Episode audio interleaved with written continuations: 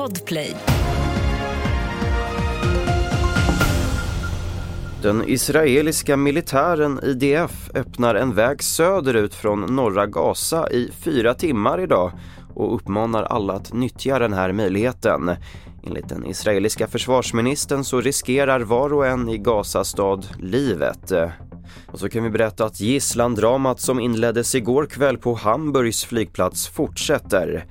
Enligt polisen är situationen oförändrad nu på morgonen.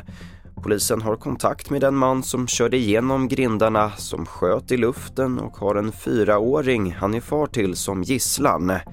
Mer om det här på tv4.se. Och till sist att runt hälften av alla detaljplaner för bostadsbyggande i Stockholm och Göteborg överklagas. Det här försenar nya bostäder enligt branschorganisationen Byggföretagen som vill se begränsningar i möjligheten att överklaga. Petra Sedelius för Byggföretagen i Väst. Enligt Boverket så, krävs, så behöver vi, det finns ett behov av 67 000 bostäder, lite drygt. Eh, och eh, våra prognoser säger att det enbart kommer starta 23 600 bostäder nästa år. Så att det spär på bostadsbristen. Och det var den senaste uppdateringen från TV4 Nyheterna. Fler nyheter på tv4.se.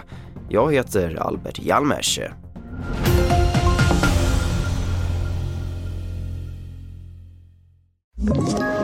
Ett poddtips från Podplay.